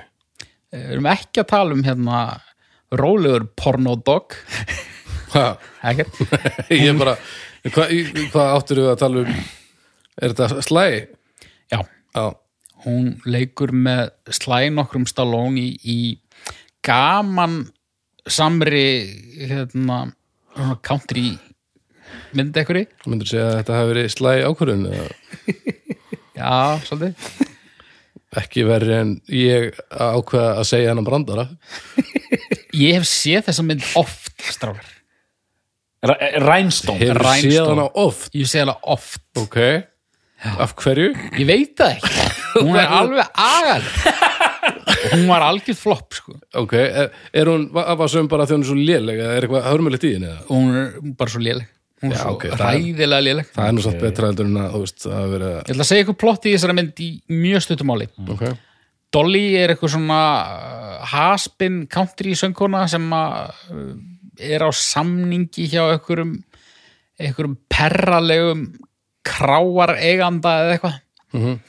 og hún vil losna undan samningnum og er með einhverja yfirlýsingar um, yfirlýsingar um það að hún geti breytt hverjum sem er í, í country superstjörni og hann segir, eru, ég skal veðja við þig bara, ég vel bara einhvern og ef að þér tekst það á losnarenda samningnum ef þér tekst það ekki á lengi samningin og þú ert að ríða mér já og hann velur eitthvað svona eitthvað drullu blesa leigubílstjóra í New York sem er leikin af hérna, Sylvester Hvað er á Stallone Silvestur Stallone? Hvaða meistaraverk er þetta? og hann, hann, Já, ég hann þólir ekki country og bara keira leigubíl og er algjörlega laglaus og myndin er sess að bara hún að reyna að proppa hann upp sem country stjörn Mhm. og hérna þetta, þetta, er svo, já. Og er þetta geggjað? þetta er ekki leiðileg mynd sko, ég get ekki alveg sagt það sko. Þetta hljóma, þetta pits var ekki leðilegt sko Þú veist, Nei. mér líst ágætla á þetta Já. En Þannig að Þetta er svona hundurinn á hennar uh, leiklistarferli og svo koma fleiri myndir hérna, Stíl Magnolias og, og, og eitthvað, Eitthvað, já eitthvað dótt og svo bara eiginlega hættur hún að leika svona fyrir hluta 90s já, einhvern tímann. leikur hún síðan bara ekki meira bara svona einhver, einhver cameos hér og þar og eitthvað svona smá, Nei, smá flip sko en, en, hérna, Ok, en hún tók hann einhverjar 5 6 myndir bara straight þarna, 80s og early 90s og bara uh, hlaut alveg bara ágætis lof fyrir framistöðu sína nema kannski 89, já, varst að tala um Stíl Magnolias já, svona hvað Það er hittari, straight talk, hérna það ekki jú, það er 92 En í mildtíðinni er hún í einhverjum svona sjónvarsmyndum ok, A Smoky Mountain Christmas 86 Wild Texas Wind 91 Unlikely Angel 96 uh, Blue Val- Valley Songbird uh, 99 og svo Straight Talk 92 Þessar, sérst þarna lung, á lungu áður en hún heldur áfram í sjónvarsmyndum eitthvað þetta, þetta er bara svona, þetta hljómar eins og bara Elvis myndirnar svolítið. já, Bara svona, bara einhverjar drastlmyndir um einhverjar söngkonur sem að vill svo til að eru leiknar á Dolly Parton. Mm -hmm. Mhm. já hún dettur inn í en svo er hún svona cameos Beverly Hillbillies og eitthvað, Já, veistu Þannig já, þá er hún búin að negla það, sko. Hún er búin að sigra country í heiminn, hún er búin að, hérna, óta sínum tóta hressilega í, í, í popheimum Mhm. og, og er komin uh, í eitthvað Golden Globe fyrir leik, sko. Þetta er eiginlega alveg magnað. Má ég haukur aðeins draga núna saman nýjönda áratinu? Já, wow. Sko, Emmitt, hún er alveg bara þvílíkt stór eftir 9 to 5 og séðan kom einhverja plötur eftir það. Til dæmis kemur út mjög vinsal jólaplata 1984 sem hún gerir með Kenny Rogers sem er bara til á öðru hverju heimili já, já, já. já. og hún- þarna er hún bara 84, 85 er hún bara risi sko en núna fer að brátt að hallandar fæti sko árið 1987 kom út, reyndar, kom út tvær plötur ein, ein er hérna heiti Trio sem hún gerir á samt Lindur Ronstad og hérna Emil og Harris það er mjög góð plata það er svona hrá, strípuð alvöru svona hérna jarðvegs country hvað heitir hún segir Trio, Ok. T-R-I-O það er þrjára syngja og þetta er bara mjög svona authentic countryplata já, þetta er þreymur árum eftir að hún gerir Once Upon a Christmas með Kenny Rogers Já. en sama ár þá kemur missefnu tilraun til að gera Dolly Parton að svona 80s eh, vitni Houston ballöðu cheesy syntha sönguna sko já, já. og ég man ekki hvað hún heitir, hún heitir hún heitir Rainbow Rainbow og ég rendi þessari plötu og þetta er alveg, hún er út á túni í rauninu á þessari plötu sko nú, þetta er ekki að gangur Hundahótel. Þe- þetta bara virkar ekki sko. hún nær ekki að að því að hún, einmitt, upp að þessu það virðist þér alveg saman hvað hún gerir, þetta er allt success þetta virkar ekki sko. ok og eftir þetta, ég bara svona disaster þá er bara tekin ákvörðun nú ætlum við að setja hana inn í svona mainstream country bara venjulegt country svona poppa country sko já, og uh, það er bara næsta plata á eftir ég mann limousine held ég White Limousine já, já, hún er hittari Já, þá er farið bara í þetta sko stóra þú veist, þannig séð eitthvað Garth Brooks dæmi sko, bara svona stórt mainstream country, en með þessu sko þú veist, eh, þessi dolly kraftur sko, þetta hold, þessi hold down kraftur sko. Já, ég, ég ætla aðeins að skjóta inn í, ég veit að, að það var engin illur ásetningur þarna, en sko, þú segir, þá er ákveðið að setja hana inn í, sko, þú veist, Já, hún náttúrulega ákveður þetta allt sjálf. Já. Hún er algjörlega, þú veist, rétt hún ræður, sko, Mhm. en, en, en það sem Arnar er að tala með það, hún er náttúrulega bara með alls konar uh, ráðgjafa og, Já, já. og publicista og umbóðsfólk og, og út af því að þú veist, hún vill vera Með. fræg já, skilur og þá er þetta það sem að er, er talið vænlegt til vinnings Já. Ég- já ég verið eins og einmitt, diskóið, vænilegt til vinnings þarna, 77, það virkaði þetta er, já, það er alveg mjög eðlilegt að hún farið þessa átt sko. en þú veist, þetta er ekki eitthvað svona Hillary Duff bara einhver kallar í ekkafötum að ráðskast með hann Nei, nei. Það er aldrei nei, nei, þannig. nei, nei, nei, hún er, hefur alltaf verið að st- að stýra þessu kjöpi og uh, síðan sko mm, erum við ekki, erum við ekki ágættir á tíma erum við nokkuð að falla á tíma Við getum ekki fallið á tíma Nei. Þetta er internetið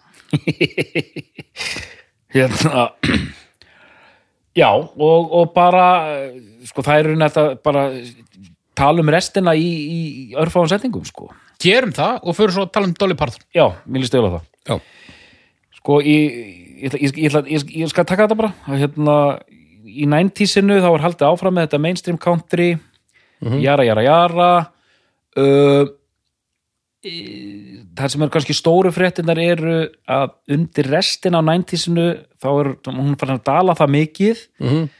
að það er hugsa við þurfum að gera eitthvað drastist og þá gerir hún bluegrass plötur Já, þrjár bluegrass plötur Little Sparrow heitir ein The Grass is Blue, það lítur að byrja það. já, já, einmitt, einmitt og, og, og Uh, annarkort Halos and Horns eða, nei, Precious Memories örugglega. já, og, og- já, einmitt, einmitt svo og líka Halos and Horns og þetta er Mm. hún, svona er- hún er skar sem gospel Precious Memories Já, ok, ok.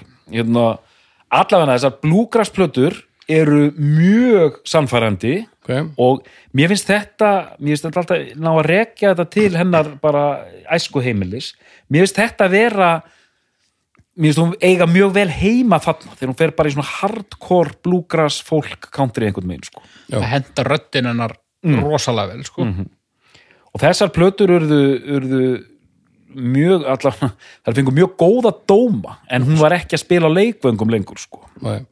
Svo þriðja heitir hérna, já, eh, Halos and Horns Já. hún er, hinn að tværur skráðar bluegrass þetta er country folk bluegrass þannig að þarna er svona slætar hún útrýði aftur á þriðju blötunni en núna strákar er einhver þarna úti Mhm. af okkar hlustendum já, sem að eins og ég fyrir einhverju síðan Mhm. hefur ekki hugmynd um hvað blúgrass hvernig það er frábriðið country og þess vegna ætlar maðurinn með doktorsgráðana hann ætlar að segja okkur það sko Bluegrass var í rauninni fundið upp af manni sem heitir Bill Monroe og þetta er bara eh, kannski öll- auðveldast að tala um deliverance í þessu samengi sko. þetta er mikið banjó, Banjó mandólin, drifið. já, og Þetta mjög alltaf- hratt alltaf þegar verið að gera grína að að redna eitthvað með einhverjum í söðrinu þá, og músík sett við það þá er það, það er bluegrassi það er banjóið, þvottabrettið sáfýringur og, og, og, og og, flaskan og flaskan já, og, og, já, og þóttabir emitt og, hérna, og þetta er mjög hratt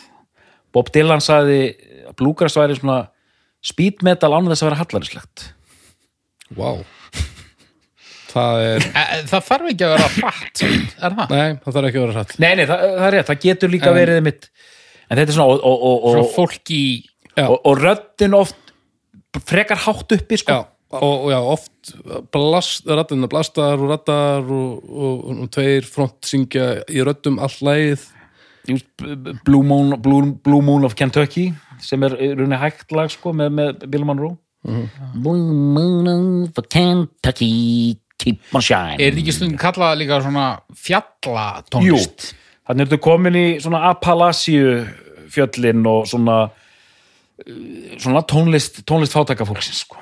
Já. svona, og, og bluegrass er svona einmitt, svona meira út í þessar evrósku rætur country sinns og, og þú veist sem bara komu þarna með skipunum þarna á 14. 15. 16. öld sko. ég er í Facebook-grúpu Appalachíu fólks út af því ég er í öllum Facebook-grúpum út af því minnst gaman að opna Facebook og sjá eitthvað skrítið mm. og þetta fólk er svo öðruvísi en við að það er alveg magnað bara hérna heyrðu ég er að sjóða greifingja hvað hérna og- og engum finnst skrítið það sem fólk er að spyrja um sko. Þú er, já, þú, þú, Ert veist, þú þetta í er bara grú- apalasíu fólk samtímas Þú í grúppu með þessu fólki já, þetta er bara apalasíu fólk Af hverju samtímas ert þú í Já. grúppu með þessu fólki? ég er í öllum grúpum Ég, nei, Jó, jó, jó. ekki svona öllum Ég- Eh, næstu því Hvernig síðum maður greifingja? Ég manna það Þú ekki. er að fylgjast með allavega En þetta er svona, þú veist, þetta er bara eins og bara matartips uh, nema bara einhverju annari vitt, sko. Og Hvernig- ekki bara matar, þú En veist. ef þau kæmu inn í einhverja sláturgerðar grúppu heldur að þau var ekki bara Jú, jú, hvað er í absolutt. gangi?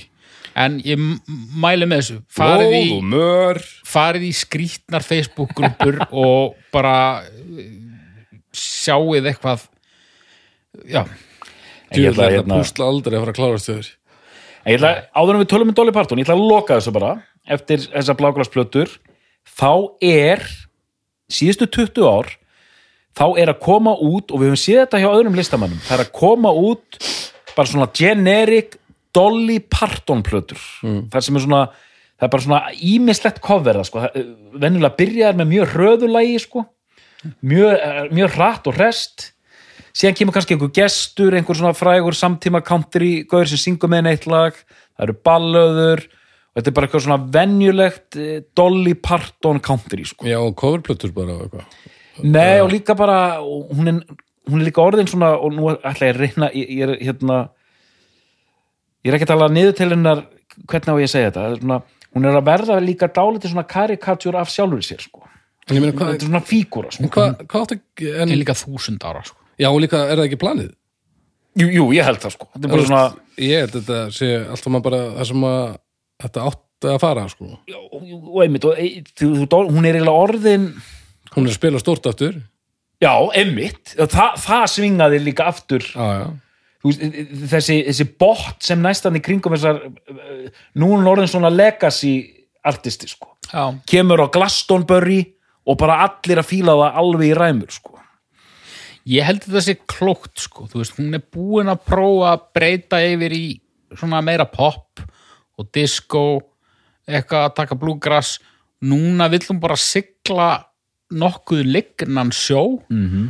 og og svona í bestu merkingu þess orðs uh, uh, orðalags að playa það safe mm -hmm. bara eitthvað fyrir alla Já, og hérna mér finnst þetta þetta gerist mjög oft með tólestafólk sem er komið á aldur að það bara svona einhvern veginn finnur jafnvægi í einhverju svona broti af því besta að ferlinum dæmi bara, þú veist Ég, ég meina, það er hörmulegt ef hún ætlaði að fara að halda einhverjum svona sama gamla... Ég meina, hún, er ekki Stemma hún fara, einhvern veginn. hún er ekki að fara að gera trappplötu, Nei, nei. skilur hún er 76 En, sko, ára en eða það kemur plata út fyrir tæpu ári. já. Hvernig er hún? e- Þetta er nú ekki rönn eitthvað. Run, Rose, Run. Það er mjög gott dæmi um þetta. Þetta er bara svona, Af Því hún færir bara fanta dóma. já, þetta er bara svona, þetta er svona mix af, af hinn og þessu.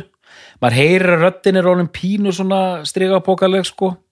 Já. En þetta er bara gott sjó sko. Þetta er bara flott. en það, en það sést Hún líka er 76 ára, sko. Já, En það sést líka í þessari heimildamind þegar að það er verið að sína svona uh, nýleg uh, nýlegan flutning af, af eldri lögum að sko eitthvað dót sem hún kannski ræður ekki við sögum aldurs hún bara, þá bara kvíslar hún þann kabla, eða bara talar þann kabla Þú veist, hún, hún reynir það ekki einu sinni, ekki út af metnaðarleysi heldur hún bara, hún greinilega átt að sjá hverjar hennar takmarkanir eru og og hún tekur það bara á einhverjum fíling, sko. Já, Mér finnst það svolítið töff, sko. já, já.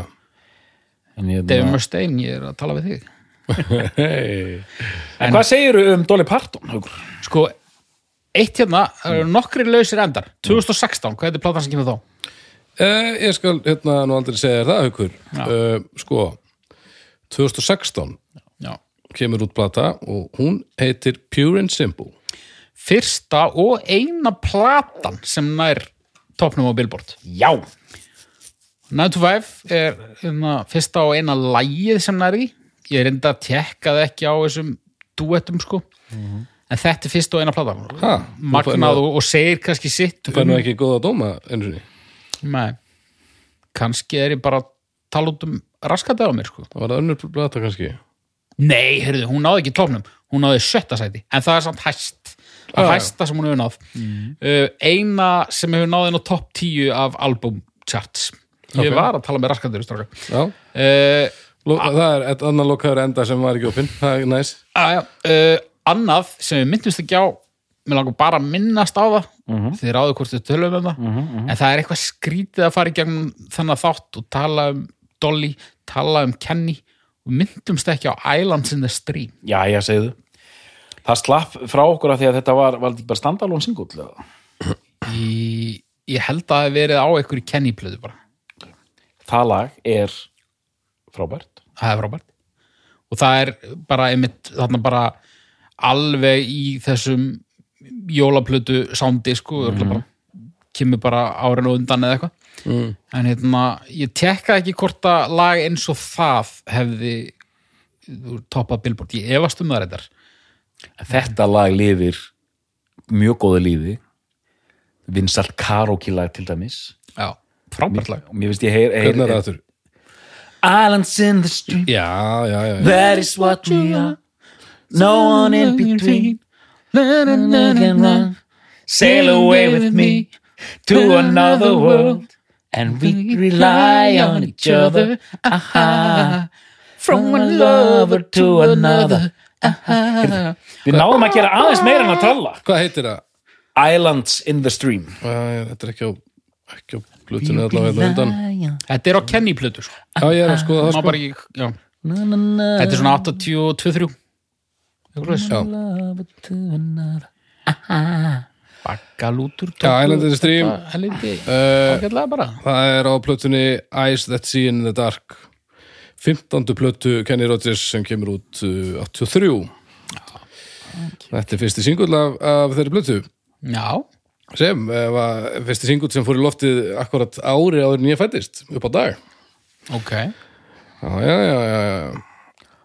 E, ótrúlega mikilvægur upplýsingar áfram gakk Já, heyrðu, Áhagak, heyrðu já, við ætlum bara svona Dolly Parton Nei, þú þú- Sko Nú þú voru að rappa þessu saman ég, veit- ég, Það er svo erfitt að ná utanum þetta sko Dollywood, Já, hvað er það?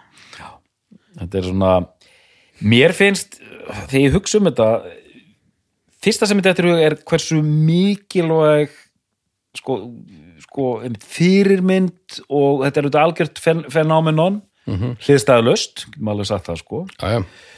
um, rosalega amerist ég vil fá að henda því aðeins inn í mixið sko Dollywood Dollywood og bara allur pakkin sko Já, já, allt sem hún gerir er rosalega amerist hún gerir eirinn svona patriótaplötu I wanna talk to the marines that we di, di, di, di, di, di. tekur bara eina svona sko Já, já. heila Basic. plötu bara, eða svona basic sko já, já.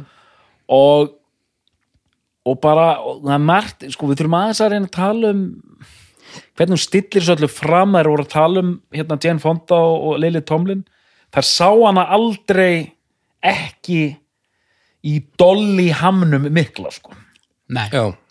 og svo talaði við fullt af gaurum sem að hafa spilað með henni áratugum saman og það var bara einn af þeim sem að vissi hvernig maðurinn hann lítur út já.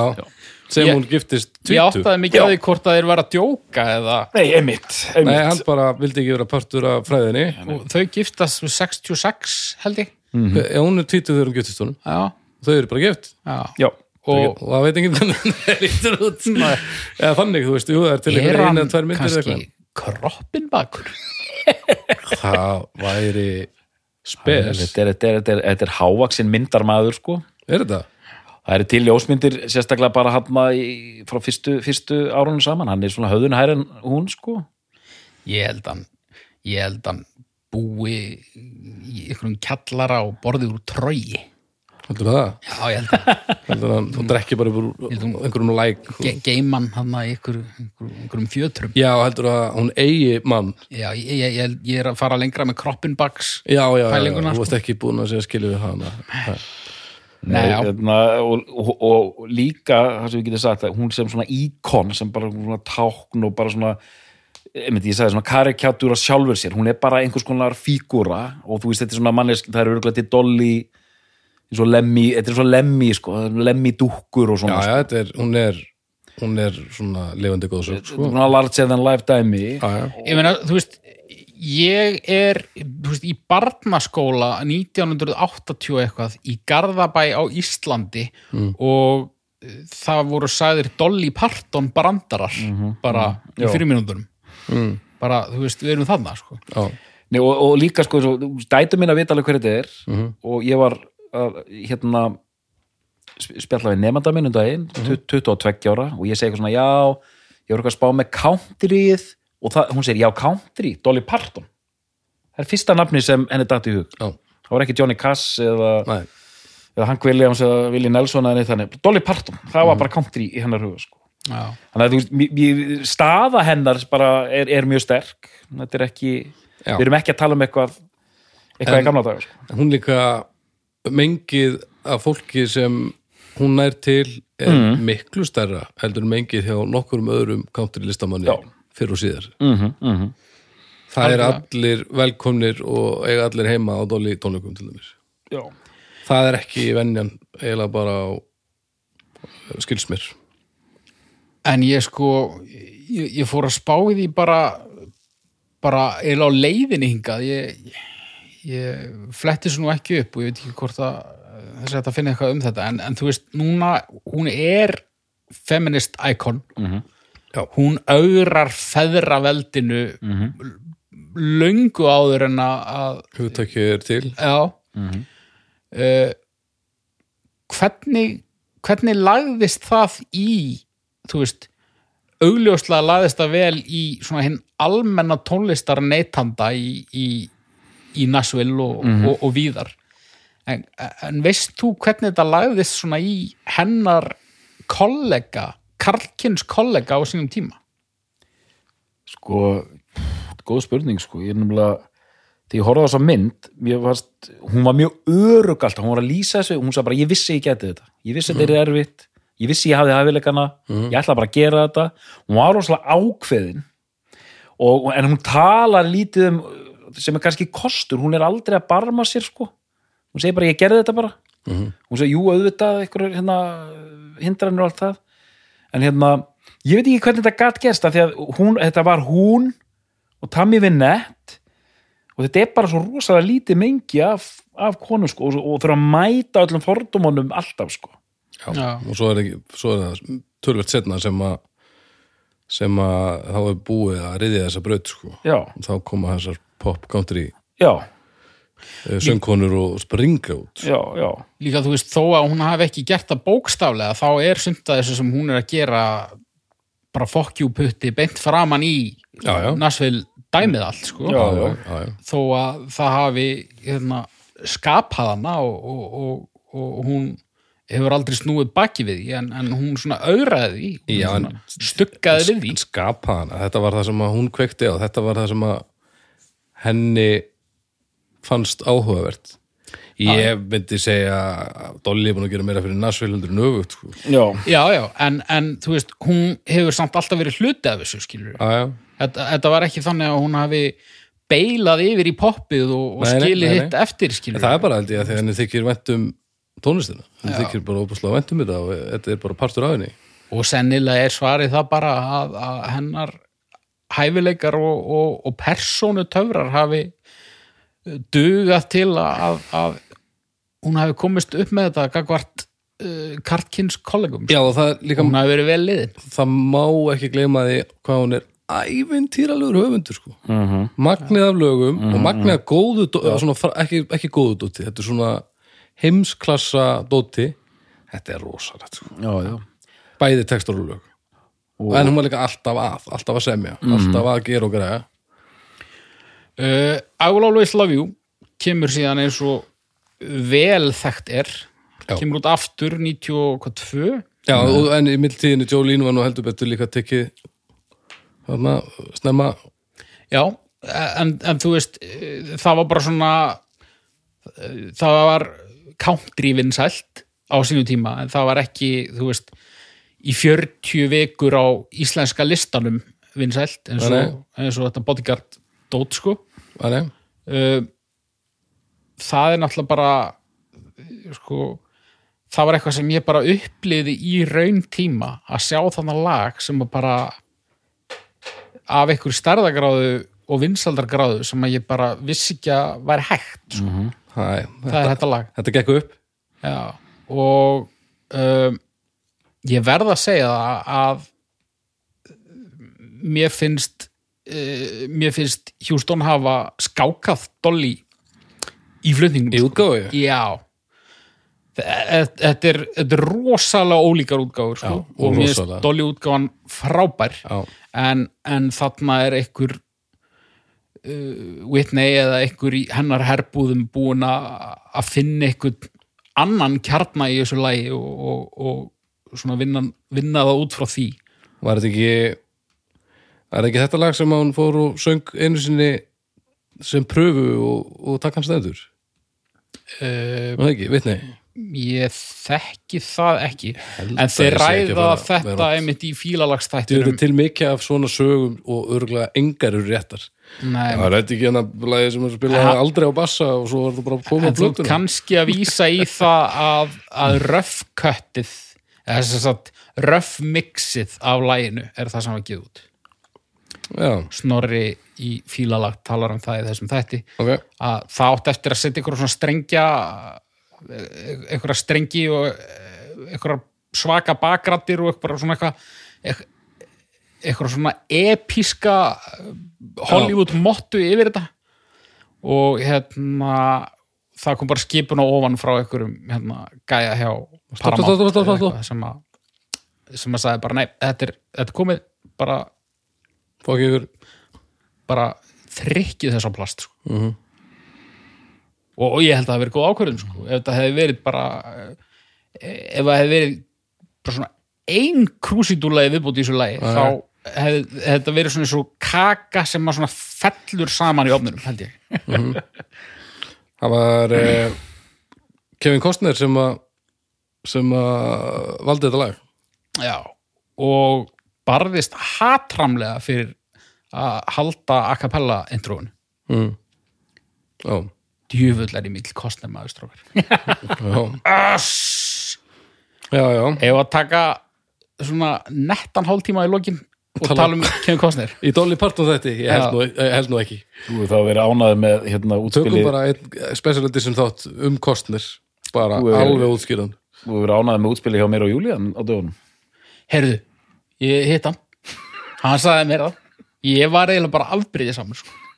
Eru þeir hittust og horfðu saman á dansar við Úlfa Ég og máu minn sko ég fekk bara tvekja tíma mynd þegar ég fór á videokvöld hjá Arnar en daginn sko. Býttu, býttu, hvað fóruð þið að en, horfa? á? en hérna, Hvað fóruð þið á? máur hans Ég og fekk Haukur Já. fjögurra tíma bara Við horfðum á hérna Vúl- Við horfðum á Logan Á Logan. Býttu, hvernig, hvað hva, var ég úti eða? ég var í pössun basically hjá Arnari sko. Varst í pössun hjá Arnar? Já, Arna hendi mér út út og hann var að halda eitthvað hjúkkuparti heima og Og hringdir þú í gamla góða vinnin Arnar ekkert? nei, Var- ég, Þú varst inn í þessu spjalli, það var hérna haukur stakk upp og heyrðu, ef þið hafið ekkert að gera getum við hýst á föstu og tekið upp þátt þá varst þú að fara að spila eða eitthvað áleika og þá sagði ég í hálfkæringi hei, haukur, kontið yfir til mín, ég verð einn heima fáum okkur pizzu og horfum á Marvelmynd og haukur bara, sleið sleið Jöfus, dúllu boss. þetta, þetta var mjög gaman sko en, en, Já, já. en sko þetta plus dansar við Úlfa, það hefði verið saga til næsta bæðastrákar en allavega, En ég heimta videokvöld bráðum. Já, já, já, Mér finnst ég hafa verið sniðgengið þó ég hafa verið með í spjallinu. og allt. hérna Já, Rænstón já Rænstón, Já, já, Rænstón, já, já, já, já. Rænstón Sólsöðu, sleið slegið. Eh, brjóstin á Dolly Parton við þurfum ekki að ræða þau en mér þótti bara áhugavert að sjá í þessari heimildamind hvað svona þú veist, maður, maður alltaf upplýði þetta í rauntíma og fólk var ennþá að rölu um þetta eti sko brjóstin á Dolly Parton var svona eitthvað- eitthvað punchline svona. og eh, hún svona grínast með þetta sjálf í einhvern spjallhátum og eitthvað og hefur alveg fundist hún þurfa að gera það sko það er ótrúlegt að sjá þessa klippur af þessum eh, Mörðum þurrpungum -hmm. hvað er eru bara dóna kallar í bara, bara sjónvarpinu Já, já, Kaupið eitthvað bara með júlur Þetta er bara svona og bara, hún bara sem betur fyrir bara uh, þú veist, ég var á tímabili bara æ, þetta, þetta, tala um brjóstina á sér það er ekki svolítið, orðið svolítið þreytt sko, en, en, en hún, bara, svar- þur, hún þurfti bara að gera það Hún svarar þeim bara. já, já hún, eða byrja bara að tala um það fyrra bræði bara Já. ávopnar þá, skilur og bara, uh, það er bara eitthvað sem hún þurfti bara að gera Já, ég held að við séum í yngri aðstöðu til þess að vega og metta hvað Dolly þurft að gera í sambandi við þetta. Nei, og ég Ég held meina- að það hafi verið algjörlega fucking óþólandi. og það sést bara í þessari mynd sko. það er bara síndar bara klipp eftir klipp eftir klippu af einhverjum barta eh, jakkafata uh, dörgum eitthvað hérna Já, bara með standpínu mm. en hérna ég held að þetta hafi ekki Já, ég held að hún, hún er ótrúlega heilsteft manneska -hmm. hún verðist vitt hann ákvæða hvað hún vil skamar sér nákvæða ekki neitt fyrir það en hún er það skýr að hún hefur valið hvernig hún teklar slægina greinlega já. hún er ekki að eyða Mm. of, ég held að hún sér til þess ekki að eyða meiri tíma en hún þarf í svona drulla sko. ég held hún hún stundur bara leysir hún þetta þannig að hún þurfi bara ekki að horfa á hann lengur þú veist. já, mér Og líður það- bara ég, ég, hún, hún er bara á einhverju leveli sem að er æfintilrætt sko. og það hjálpar allilega klár sko. það hjálpar henni líka Æ, alveg veit. örgulega að hafa verið ein af tólf sískinum get ég myndi vel já, já. en ég, hún er náttúrulega bara svo, greinlega svo yfirgengilega velgefin sko. Eitt, já, eitt líka, þessu tengt sko, sem ég vil hendi, hendi í púkið sko, að það er hérna það er oft svona, eins og í, í countryinu og Nashville þetta, þetta er svona tveir skólar í gangi og þú veist, það er þessi skóli sko að vera sannur vera svona authentic til countrysins mm -hmm. svo menn svo Merle Haggard Buck Owens sem gáfu alltf út cirka bát sömu plötuna Já. eða eins og Hank Williams þetta er alltaf sama lagið innan Já, gæsalappa já, sem já, hann er að já. semja en síðan er þá hinn skólinn sem er þetta að- framhaldsskólin næstu framhaldsskólinn sko Já. þennja mörkin aðeins og íta á þau og, og taka þessar ákvarðinir Willi Nelson gerði þetta líka, gaf út hann að Stardust 77, þar sem hann bara svona eh, fer yfir í poppið, Kenny Rogers og auðvitað hún, Dolly sem gerir þetta svolítið, þetta er svolítið svona skörp skil, hún fer bara úr countryinu yfir í diskóið mm. ótrúlega smúð svona transition sko og, hefna, og þá má líta er það, og, og þá koma tværættir svik og, og, og sellout eða hei aðeins að hérna bara get with the times og vera þetta aldrei öðrandi sko. Já, já. En sko skörpskil, þú veist, það, það, það eru country lög á öllum plötunum samt. Mm Mhm. -hmm. Megum ekki, ekki gleyma því, sko. og, og meiri segja í sko, stærsta pophittaranum, hérna, fram að 9 to 5, þú veist, hérna, here you come again. Here you come again Það er svona honky-tonk Já, píanó já, í þetta er, því. þetta er Já, honky tonk disco sko. en hérna en disco slikjan alveg púna mm. yfirtaka sko en hérna, já, mér finnst þetta uh, hún er svo hún er svo svona ég, ég veit ekki hvað íslenska orð, mér finnst svona, svona skammarlaust ekki alveg nógu gott sko en svona unapologetic þú veist, hún hún gerir bara hlutina og og hún skammar sín ekkit fyrir það og, hvort sem að umræða tónlistina eða útlitt hennar eða að hún hafi farið eitthvað að líta aðgerir já, va- varstu í eitthvað líta aðgerum Já, hún er, hún er ekki að reyna að réttlæta það því að henni finnst hún ekki þurfa að gera það. nei og það er svo ótrúlega ferst og, Já. og mikilvægt og hérna ég held að þetta sé elsta kona í heimi sem ég er skotin í, Ah, ég held það mjög gott komment já, en hérna, ég hef alltaf verið eins og sagðan, ég hef alltaf verið dolli hlindur en ég er ég er eiginlega dolli fan núna sko. já, næs. Heyriði, sko, við erum að fara í uppgjör. Þetta var náttúrulega einhvers konar uppgjör hjá þér.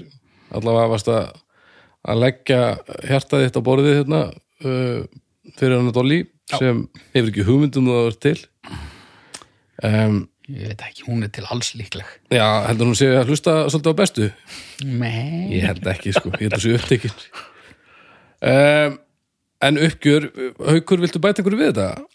eiginlega ekki sko Nei, ég bara, það var fallegt, sko. þetta var hérna, ég sagði við Arnar áðan þetta var svona þetta var svona eins og fimm sinnum Bob Marley undirbúningurinn svona að því leiti að þetta er bara svona tónlistar tegund sem að eirun mín eru bara ekki stilt inn á, skilur Nei, þannig að það er ekki bara allt efni sem þarf að fara yfir heldur líka bara svona eitthvað negin uh, setja sig í stellingar gagvart einhverju sem að er ekki alveg í blóðinu þó að það hefur verið countryplötur á, á mínu æsku heimili Já. þannig að það var svolítið svona þröskuldur skulum við segja -hmm. og þó ég hef líst því yfir hérna fyrir einni mínúndu að ég svo er en dolly fan já, þá þú veist, eh, á hverja einustu plötu eru svona sjö lög sem að ég bara þekki ekki bara út af því að þetta er svo mikið og þetta Já, er já. svo innan geðslappa nýtt fyrir mér Mhm. -hmm. en það það er mjög sjaldan það sem maður heyri bara eitthvað virkilega lélegt já, uh, og hún segir það sjálf þú veist, hún hún vill ekkert eitthvað, eitthvað reyna að gera lögin sín fullkomin, hún gerir þetta Já. út af því að henni finnst gaman að gera þetta og svo bara þegar hún er búin aðeins og drullar hann þessu bara út og bara næsta En ég held að, að líka svo að það komið fram þá er það held ég í setni tíð sem fólk er að átta sig á því hvað hún er yfirgrips mikil höfundur og hvað hún er stórbrotin höfundur hún hefur ekki verið að fá krediti fyrir bara setna, ég held að það hafi alveg líka með það að gera að hvað hún er orðin mikil, mikil góðsögn í lifanda lífið sko satt af því að uh, það, hún, já, hún fór bara aðrar aðrar leiðir en uh, hún átti að gera á þessum tíma sem, sem það sem hún var Já. Eh, Þannig að já, þetta var mitt uppgjör og, og bara svona eh, af þessum plötumöllum fannst mér Jolene svona mesti töffaraskapurinn og hún höfðaði mest til mín sko en, en eh, ég, ég get enga veginn sagt að ég kunni þessa plötu utan af eftir, eftir eh, þetta renneri sko Nei. Eh, doktor áðurinn að kemur að, að þínu uppgjöri þá ætla ég bara að minnast þetta á það svo að glemist ekki að þegar þið búin að hlusta á henni þátt þá skulle þið fara beint og finna hlaðvarpið Dolly Partons America það er serið sem kom fyrir þ- þremur árum þá, já, jú, svona þ- rétt rúmum þremur árum nýju þættir uh, svona, klu- svona tæpur klukkutími hver þetta er æðislega serið sem bara viðtöl við hana um ferilinn og allt saman þess vegna myndi ég eitthvað um þetta upphafstóta mm. ég fatt að bara auðvitað var það gegguð serið, Dolly Partons America tekja því Eh, mm Doktors Já, ég ætla að byrja á því að ég tek undir eh, þetta með bestu Dolly Parton plötuna. Það var spurning um tvær plötur, annarkvort Jolín eða... Bítu, bítu, bítu, bítu, bítu, bítu, bítu, bítu. Hvað sagði þið? 48 plötur? Já. Og þeir eru sammála? Já, já, Má það? Komlega samanlega, sko. Nei. Jú, Þetta var, eh, þetta var spurning um Jolín eða Code of Many Colors og Code of Many Colors, hún er mjög fín, kemur hérna á undan en Jolín hefur þetta á titilæginu Já. og hafna I will always love you og bara gott fíl á plötunni þannig að ég get alveg og þetta tímabil finnst mér svona kannski besta hennar tónlistalega, það er aðeins búið að taka þessa, þessar fyrstu plötur mm. hún er svona að lenda dálítið vel hann sko, og verður þessi stjarnar og síðan förum við yfir á aðra lendur eftir þetta uh, og bara, en heildstætt, það er eitthvað bara, bara eins og þú er satt baldur og, og haukur að hérna þrátt fyrir all, all, allan annan glamour og þetta entertainment og, og það allt bransinn sko sem hún gerir það er, það er bara eitthvað heilt við þetta allt saman sko maður er bara heitlaður af henni sko og ég er svo glaður henni að hún hafi náð að því þú veist, þú veist aldrei hvað þú átt mikið breyk í þessum bransa sko Nei, nei. að hún hefur náð að gerast þessi þessi kallaði á slæmri íslensku svona legacy artist sko. hún geti gefið út þessar plötur Já. og er komin aftur inn á leikvangana það er bara eitthvað Og við skulum ekki... ljóðurænt er réttlega í þessu sko. Við höfum náttúrulega kannski ekki talað nógu mikið um það en, en hvað hún er mikil, mikil fyrirmynd, sko. nákvæm, Fyrir konur í, á þessu svæði og í þessum bransa og langt út fyrir þessa músík, sko. mér, ég er Af mjög því hún er svo helviti snemma í því að taka slægin alla leið, sko. allt rétt og ég er mjög áfram um þetta, ég var að skrifa grein bara í gær, einmitt um þetta sko, að hérna, Va, djöfull var ég ekki að skrifa grein einmitt um þetta í ger, en þú haukur. En þú, en, en þú ert með þetta, Baldur, sko, þegar þetta að hafa fyrirmyndir og hafa vettvang og pláss og frið til að gera þetta og hún er algjör brautir í handi hvað það var, Já. sko, algjör, sko. við töluðum ekkert um uh, svona góðgerðamál Mhm. sem hún hefur verið mjög hún hefur látið mjög til sín taka Já, við tölum ekkert um, um uh, skemmtikarinn hennar.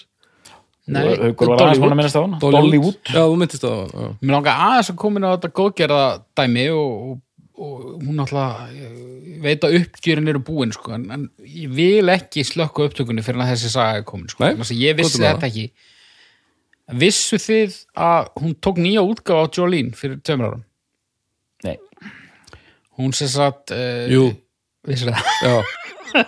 Þetta er, er þetta ekki bólusetningamál? Já. Já, Hún sem sagt gaf hérna, til ykkur COVID-rannsókna og svo söng hún Jolene já hún alltaf... Vaccine Vaccine, vaccine, vaccine sem er svo glatað en samt svo geðveikt og út af því að hún er hún þá ætla ég bara, ég, Já, ég ætla líka- bara að leifa þetta og líka fyrir að þeir, hún, er, hún er að syngja þetta til fólks sem Já. brjálast e, e, og þarf að heyra þetta Já, ég vildi bara koma þessu inn í þáttinn þetta er rosalegt, hvaða einna bólefni græða hún áttur? Það var ekki móterna eða eitthvað Æ, man ekki Ég fekk það held ég, ég man ekki hvað ég fekk ég fekk hitt og þetta ég fekk ægilegan koktel Já, ég, ég man ekkert hvað það heitir sem ég fekk sko. Ú, þú veist, COVID bara, tvisar Já, já Og reyndar þrjá bólusendingar en Já, það er nú eitthvað eitthvað skrítið það er nú eitthvað þetta hefur nú ekki að virka, það er nú eitthvað það er að brugga það er ógjörningur að vita Peningar í súgin hjá Dolly, segi ég Já, og líka bara við þurfum að, hvað er álpappishatturinn minn? Heri Þetta er komið Þetta er glæsilegt Þannig að, haukur er þetta besta plata Dolly Parton?